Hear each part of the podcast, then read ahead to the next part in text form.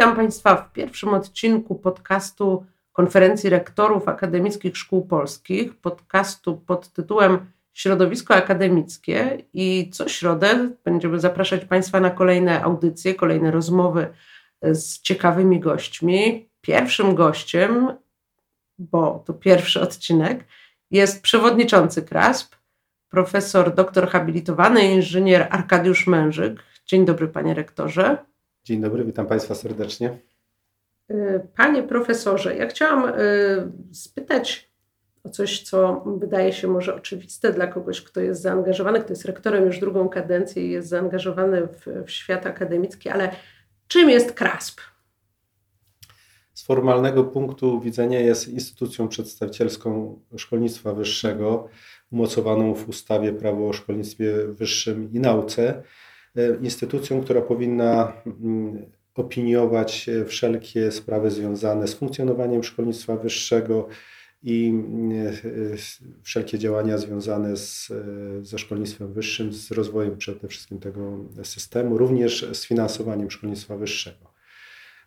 Jest to instytucja, która skupia uczelnie akademickie, czyli te, które mają przynajmniej prawo doktoryzowania.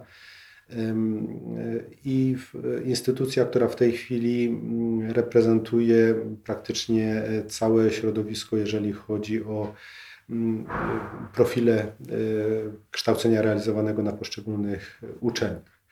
Największe grupy uczelni w ramach KRASP-u to są uczelnie techniczne i uniwersytety oraz uczelnie e, artystyczne, bo to mniej więcej jest taka sama liczebność tych, tych grup, to jest mniej więcej po 19 e, uczelni. E, KRASP liczy 107 uczelni członkowskich. Są również uczelnie stowarzyszone.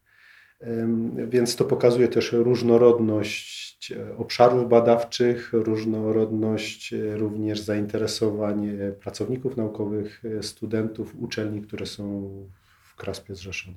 Uh-huh. Tak mnie zastanowiło, jest Pan od zawsze związany ze swoją alma mater, czyli Politechniką Śląską, której jest Pan obecnie rektorem. E, po raz drugi już. E, rozumiem, że ta druga kadencja pozwoliła znaleźć miejsce w kalendarzu na, na aktywność również jako, jako szef Kraspu, e, bo są to dodatkowe obowiązki.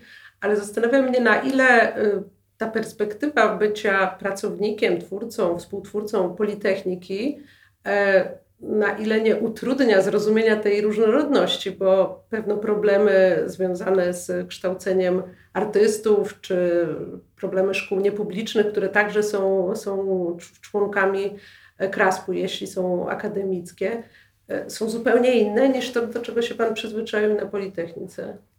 Rzeczywiście ta różnorodność środowiska jest, jest bardzo, bardzo duża. Nie jest to, myślę, kwestia wykształcenia, bardziej kwestia otwartości na, na środowisko, na różne poglądy. Wydaje mi się, że, że KRASP funkcjonuje w dalszym ciągu, pomimo tego, że, że to już drugi, druga z kolei kadencja jest prowadzona przez rektora uczelni technicznej, bo w poprzedniej kadencji pan profesor Jan Schmidt, rektor Uniwersytetu Politechniki Warszawskiej, był przewodniczącym KRASP-u.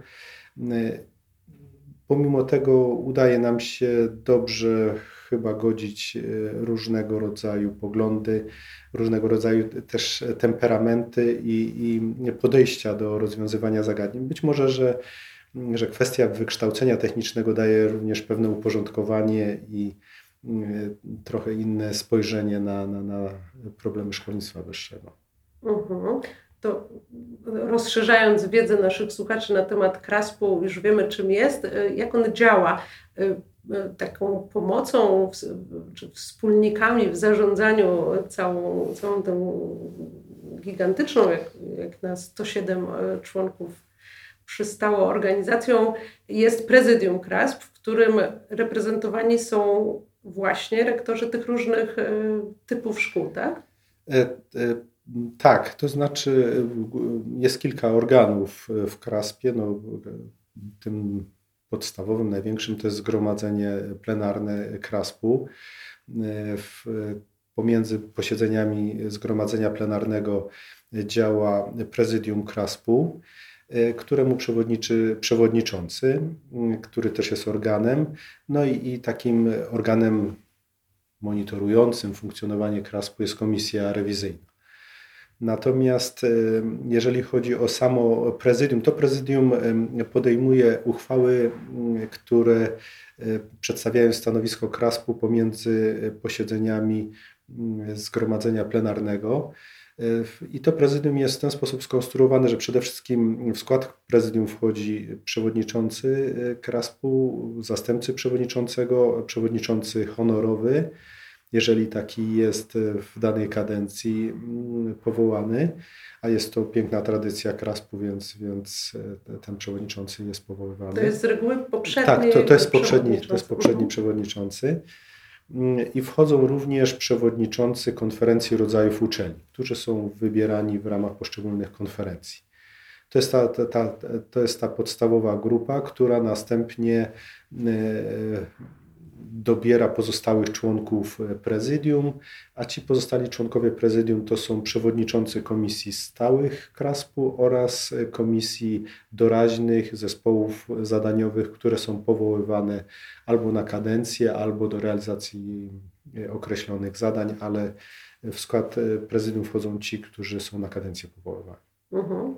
Czyli są pewne interesy całego środowiska rektorskiego uniwersalne, które w każdej kadencji muszą być reprezentowane i, i pewne y, wizje tworzone na, na pożytek danej kadencji. Jaka, jakie wizje, jakie zespoły powołał Pan zaczynając swoją misję? Tak, oczywiście e, każda kadencja zaczyna się od, od wyborów przewodniczącego, więc trzeba przedstawić program wyborczy i, i tam w ramach tego programu prezentowane są zamierzenia na najbliższą kadencję. Ja również taki program przedstawiałem i częściowo te zamierzenia były mm, sformułowane. No, z komisji, które powoływaliśmy jako komisję doraźną, to jest Komisja Strategicznych Problemów Szkolnictwa Wyższego, która e, przeszła niejako z poprzedniej kadencji, bo ona również była powołana w kadencji poprzedniej ze względu na prace toczące się nad e, ustawą 2.0, znaną teraz jako ustawa Prawo o szkolnictwie wyższym i nauce. E, natomiast w tym ten, ta kadencja to jest okres wdrażania tej ustawy, monitorowania funkcjonowania ustawy. W związku z tym taka komisja została ponownie powołana. Jest powołany zespół boloński, który również monitoruje wdrażanie i rozwój systemu bolońskiego w kształceniu. Rozszerzyliśmy e, pracę Komisji do Spraw Sportu, rozszerzając jej działalność o, o, e, również o kulturę studencką i popularyzację nauki, bo te obszary do tej pory nie były reprezentowane w komisjach stałych, więc ten zakres e, tematyczny został zwiększony. Popularyzacja nauki to jedna z takich e, cennych i indywidualnych wobec Politechniki Śląskiej wartości. Pa, przypomnę Państwu, że, że to chyba była pierwsza uczelnia w Polsce, pań, pańska uczelnia, która powołała Biuro e, Popularyzacji Cent, Badań. Centrum, Popularyzacji, Centrum Popularyzacji Nauki, CPM. Tak, tak, ale to, to, to mhm. faktycznie była inicjatywa świeża i, i, i niezwykle potrzebna, jak się okazuje, patrząc na działanie rzeczników nauki i i, i samego centrum właśnie przy Politechnice Śląskiej. Czy, czy to można tak rozumieć, że wnosicie Państwo te dobre praktyki, które przećwiczyliście u siebie na uczelniach i dzielicie się nimi i w ten sposób właśnie wzbogacacie ten KRASP i, i inspirujecie innych? Taka, taka jest idea funkcjonowania KRASP-u. Generalnie e, zadaniem KRASP-u jest przede wszystkim upowszechnianie dobrych praktyk pomiędzy E, pomiędzy uczelniami. To jest również wsparcie, szczególnie teraz ta rola była widoczna w momencie, kiedy, kiedy znaleźliśmy, znaleźliśmy się w stanie pandemii. W ostatnich wyborach znaczna część rektorów po raz pierwszy podjęła obowiązki rektorskie. To wynikało częściowo z zapisów ustawy, która ograniczyła dopuszczalny wiek jak również z faktu, że część rektorów pełniła tę funkcję drugą kadencję. Pojawiło się bardzo wielu nowych rektorów, a okres był niezwykle trudny, bo w momencie, kiedy oni byli wybierani w, w maju, liczba zakażeń była stosunkowo mała. W październiku te, te liczby były bardzo znaczące. No i było to naprawdę okres takiego zarządzania, e, twardego zarządzania kryzysowego, kiedy wszelkie doświadczenia e, były niezwykle cenne. Wtedy też została stworzona sieć koordynatorów wspierająca wszystkie uczelnie we wprowadzaniu działań anty, antykryzysowych. Ta, ta sieć to jest inicjatywa y, Ministerstwa Nauki oraz KRASP-u i pokazuje, że, że, że instytucja, która ogarnia całą Polskę, tak jak KRASP, wszystkie właśnie typy, wielkości, siły tych uniwersytetów, czy uczelni, czy, czy szkół, również zawodowych szkół, które są stowarzyszone z KRASP-em, jest, jest do wykorzystania w ramach państwa polskiego, prawda? Czyli, czyli nie zajmowaliście się już tylko sobą i wartościami akademickimi, tylko mogliście wspomóc państwo w poradzeniu sobie z tym kłopotem. Tak, w szczytowym okresie ta grupa koordynowała e, blisko 370 jednostek e, naukowych, z tego ponad 300 szkół wyższych. W samym Kraspie 106 zrzeszonych. W związku z tym my również koordynujemy działania związane z zarządzaniem kryzysowym, czy, czy wspomagamy, upowszechniamy tę wiedzę i w szkołach zawodowych, i w szkołach niepublicznych. Ogólnie system szkolnictwa wyższego ma około 370 szkół wyższych, prawda? My ponad 300 mamy zrzeszonych w tej grupie. W związku z tym widać, że większość szkół wyższych jest e, objęta tym systemem koordynacji to, to jest nie, niezwykle ciekawa i, i taka faktycznie kryzysowa e, działalność Kraspu, ale e, tak się zastanawiam. Żył sobie pan rektor spokojnie, zarządzając swoją politechniką. Zastanawia mnie, co kieruje naukowcem, dydaktykiem, rektorem ważnej, dużej e, politechniki, która w dodatku właśnie dostała się do, do tego prestiżowego grona e, inicjatywa, inicjatywa doskonałości, doskonałości uczelnia, badawcza. uczelnia badawcza, tak, do, do grona idubów, e, które mają konkretną do wypełnienia, konkretny plan badawczy. Jeszcze to są nieprzetarte ścieżki w, w, w polskim szkolnictwie. E, I, i co, co, co skłoniło Pana do tego, żeby, żeby się jeszcze zaangażować w KRASP, wiedząc, że to będzie naprawdę ciężka i politycznie, i pandemicznie e, praca? Myślę, że to trochę przez przypadek się zdarzyło. To też wymusiła ustawa i, i, i, zmiany, jeżeli chodzi o skład e, rektorów nowej kadencji. Jednak większość rektorów to są rektorzy, y, którzy po raz pierwszy tę funkcję pełnią. Myślę, że to jest grubo ponad 70%, y, nawet y, może troszeczkę więcej. Stosunkowo niewielka liczba rektorów, którzy drugą kadencję pełnią, a w uczelniach dużych to naprawdę na palcach jednej ręki można by policzyć tych rektorów, rektorów którzy pełnią tę funkcję po raz drugi. Więc chyba troszeczkę też to spowodowało, bo ja specjalnie się nie paliłem do tej funkcji, ale ze względu na to, że, że była sytuacja kryzysowa i e, uczelnia sobie dobrze radziła w tej sytuacji kryzysowej, więc zdecydowałem się, że damy radę, nawet jeżeli jakieś dodatkowe obowiązki się pojawią, również e, sprawnie funkcjonować w w ramach, w ramach KRASP-u i w ramach e, uczelni. Uh-huh.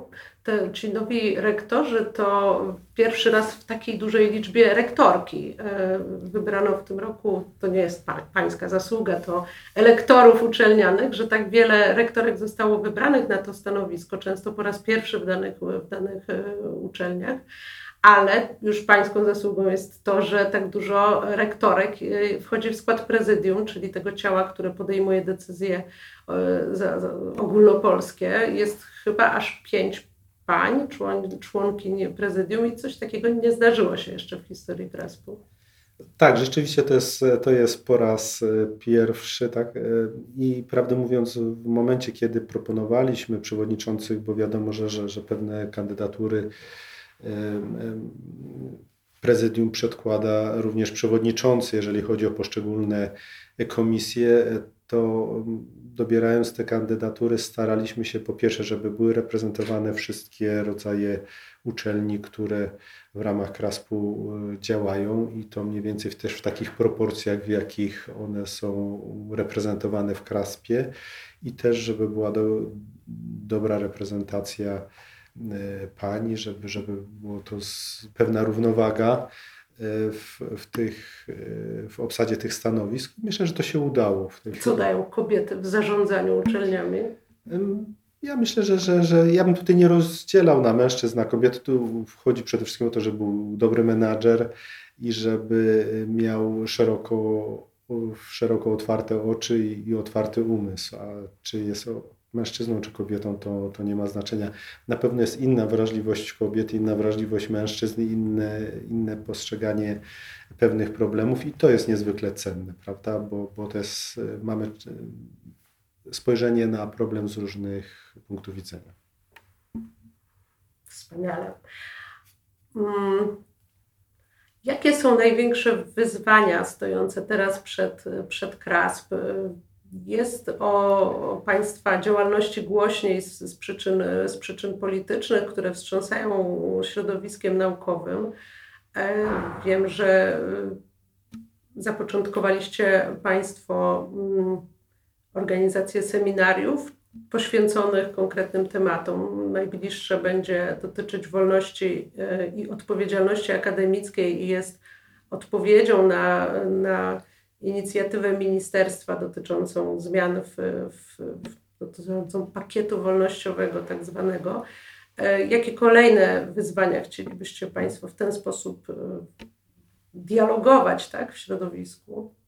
Znaczy, wracając jeszcze do, do, do seminarium, to, to, to nie tyle, że jest, że w wyniku tego, że ministerstwo zaproponowało pakiet wolności y, akademickiej, y, my podjęliśmy takie działania, bo już w sierpniu praktycznie, kiedy, kiedy był, y, było zgromadzenie plenarne i wybory przewodniczącego i trzeba było przedstawić program wyborczy, to jednym z punktów, który wpisałem, to jest uzupełnienie kodeksu etyki nauczyciela akademickiego bo e, w czerwcu 2020 roku e, ukazał się kodeks etyki nauk, e, naukowca przygotowany przez Komisję do Spraw Etyki Polskiej Akademii Nauk.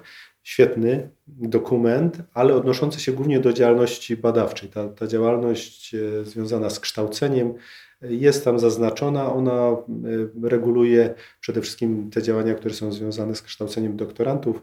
Natomiast w procesie kształcenia studentów jednak tych, tych problemów i jest trochę więcej, troszeczkę inna jest też rola E, pracownika uczelni, nauczyciela akademickiego, część jest na etatach badawczych, część na etatach badawczo-dydaktycznych, część na czysto dydaktycznych, więc to są różne również te zakresy obowiązków.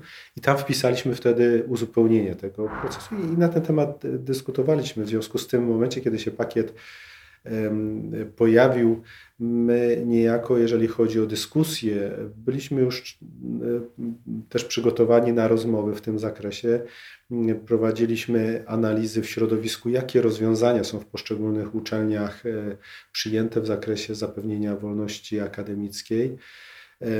Zebraliśmy te dobre doświadczenia, przygotowaliśmy taką ankietę, przygotowaliśmy wstępny dokument. No na pewno, jeżeli mówimy o wyzwaniach e, w najbliższej kadencji, to wielkim wyzwaniem jest ewaluacja jednostek e, prowadzących działalność badawczą.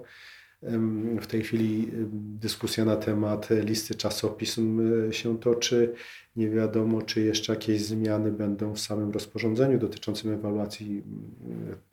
Ta ewaluacja już jest i tak przesunięta ze względu na pandemię, ale powinniśmy jak najszybciej zakończyć, bo przepisy przejściowe ustawy Prawo o szkolnictwie wyższym wprowadzające tę ustawę częściowo wygasły i zacznie się problem z nadawaniem nowych uprawnień w zakresie doktoryzowania, habilitowania, więc musimy jak najszybciej tę ewaluację też przeprowadzić, żeby to zrobić. No wiadomo, że ewaluacja to jest środowisko konkurencyjne poszczególnych uczelni, więc one też o najlepszą pozycję między sobą konkurują, więc tutaj też trzeba zachować równowagę w, w, w tych działaniach, które są podejmowane. No i przede wszystkim taki system zapewnić, żeby on był sprawiedliwy i żeby był akceptowalny przez, przez większą część środowiska, najlepiej jeżeli przez całe środowisko. Więc to na pewno jest, jest duże, ogromne wyzwanie. No nie wiadomo, jak sytuacja pandemiczna dalej się będzie rozwijała. To jest, to jest jedno z kolejnych wyzwań, chociaż działalność tego zespołu koordynującego pokazała, że, że system szkolnictwa wyższego poradził sobie z zarządzaniem kryzysowym w stanie pandemii i mamy opanowane procedury.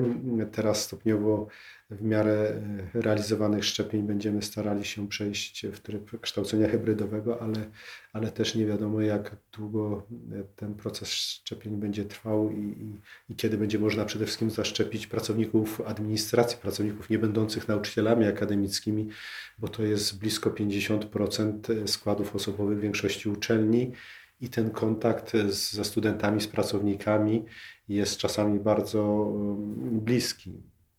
Więc e, jest to niezwykle ważne również zagadnienie, żeby e, pracownicy nie, będą, nie będący e, nauczycielami akademickimi byli włączeni w ten proces i KRASP też o to zabiega.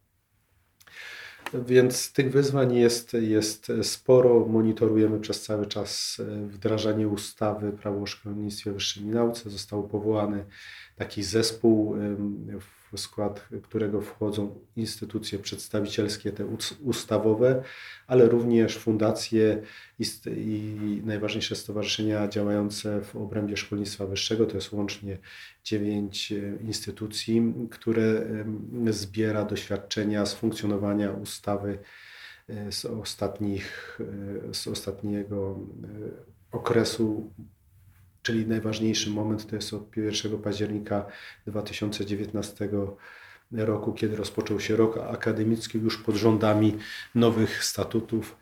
Statuty troszeczkę wcześniej zaczęły obowiązywać od 1 września. Więc to daje, to daje wiele informacji na temat funkcjonowania poszczególnych zapisów, a tak naprawdę jak ta ustawa będzie działała, będziemy wiedzieli, kiedy cały proces ewaluacji zostanie przeprowadzony i wtedy trzeba się zastanowić, które, które elementy wymagają jakiegoś doprecyzowania. Więc pracy jest wiele, wyzwań jest również wiele. Zapewnienie stabilności funkcjonowania poprzez zapewnienie finansowania jest ogromnym wyzwaniem. Wiadomo, że sytuacja pandemiczna odbija się na gospodarce i na stanie finansów państwa, więc też musimy zadbać o to, żeby nie spowodowało to obniżenia finansowania systemu szkolnictwa wyższego i nauki. No i przede wszystkim upowszechnianie dobrych praktyk i integracja środowiska. To jest największe wyzwanie w tym wszystkim. Rozumiem, że temu będą służyć kolejne seminaria, właśnie tej wymianie dobrych praktyk w kolejnych, e, w kolejnych e, zagadnieniach tematycznych, e, a do obserwowania dalszych planów KRASP-u i aktywności. Oczywiście wszystkich Państwa zapraszamy, a Kraspowi życzymy, żeby jego praca była wysłuchiwana, wnioski były wdrażane, bo Państwa spojrzenie od, od środka jako rektorów wydaje się być kluczowym. No staramy się przede wszystkim, żeby nasze stanowiska były merytoryczne i żeby były przemyślane, żeby rzeczywiście pokazywały możliwości rozwiązania problemów, które się pojawiają. To, to, jest dla nas kluczowa sprawa. A odnośnie, a odnośnie seminariów myślę, że nie tylko my będziemy definiować tematykę, bo przede wszystkim oczekujemy od środowiska, żeby, żeby środowisko zgłaszało też problematykę, która byłaby interesująca i w ramach której należałoby takie seminaria organizować. I aby e, doskonałość wzrastała we wszystkich uczelniach, nie tylko członkowskich, ale tych 300, które w Polsce działają. 300, Oczywiście. 300, około 370 było, było w, to się zmienia, prawda, bo niektóre uczelnie się łączą, nie, e, więc, więc tam ta liczba jest, jest płynna, ale mniej więcej tyle. Dziękuję serdecznie za rozmowę. Dziękuję Naszym bardzo. gościem był przewodniczący KRAS, profesor Arkadiusz Mężyk, rektor Politechniki Śląskiej. Ja nazywam się Anka Chylak i do usłyszenia Państwu.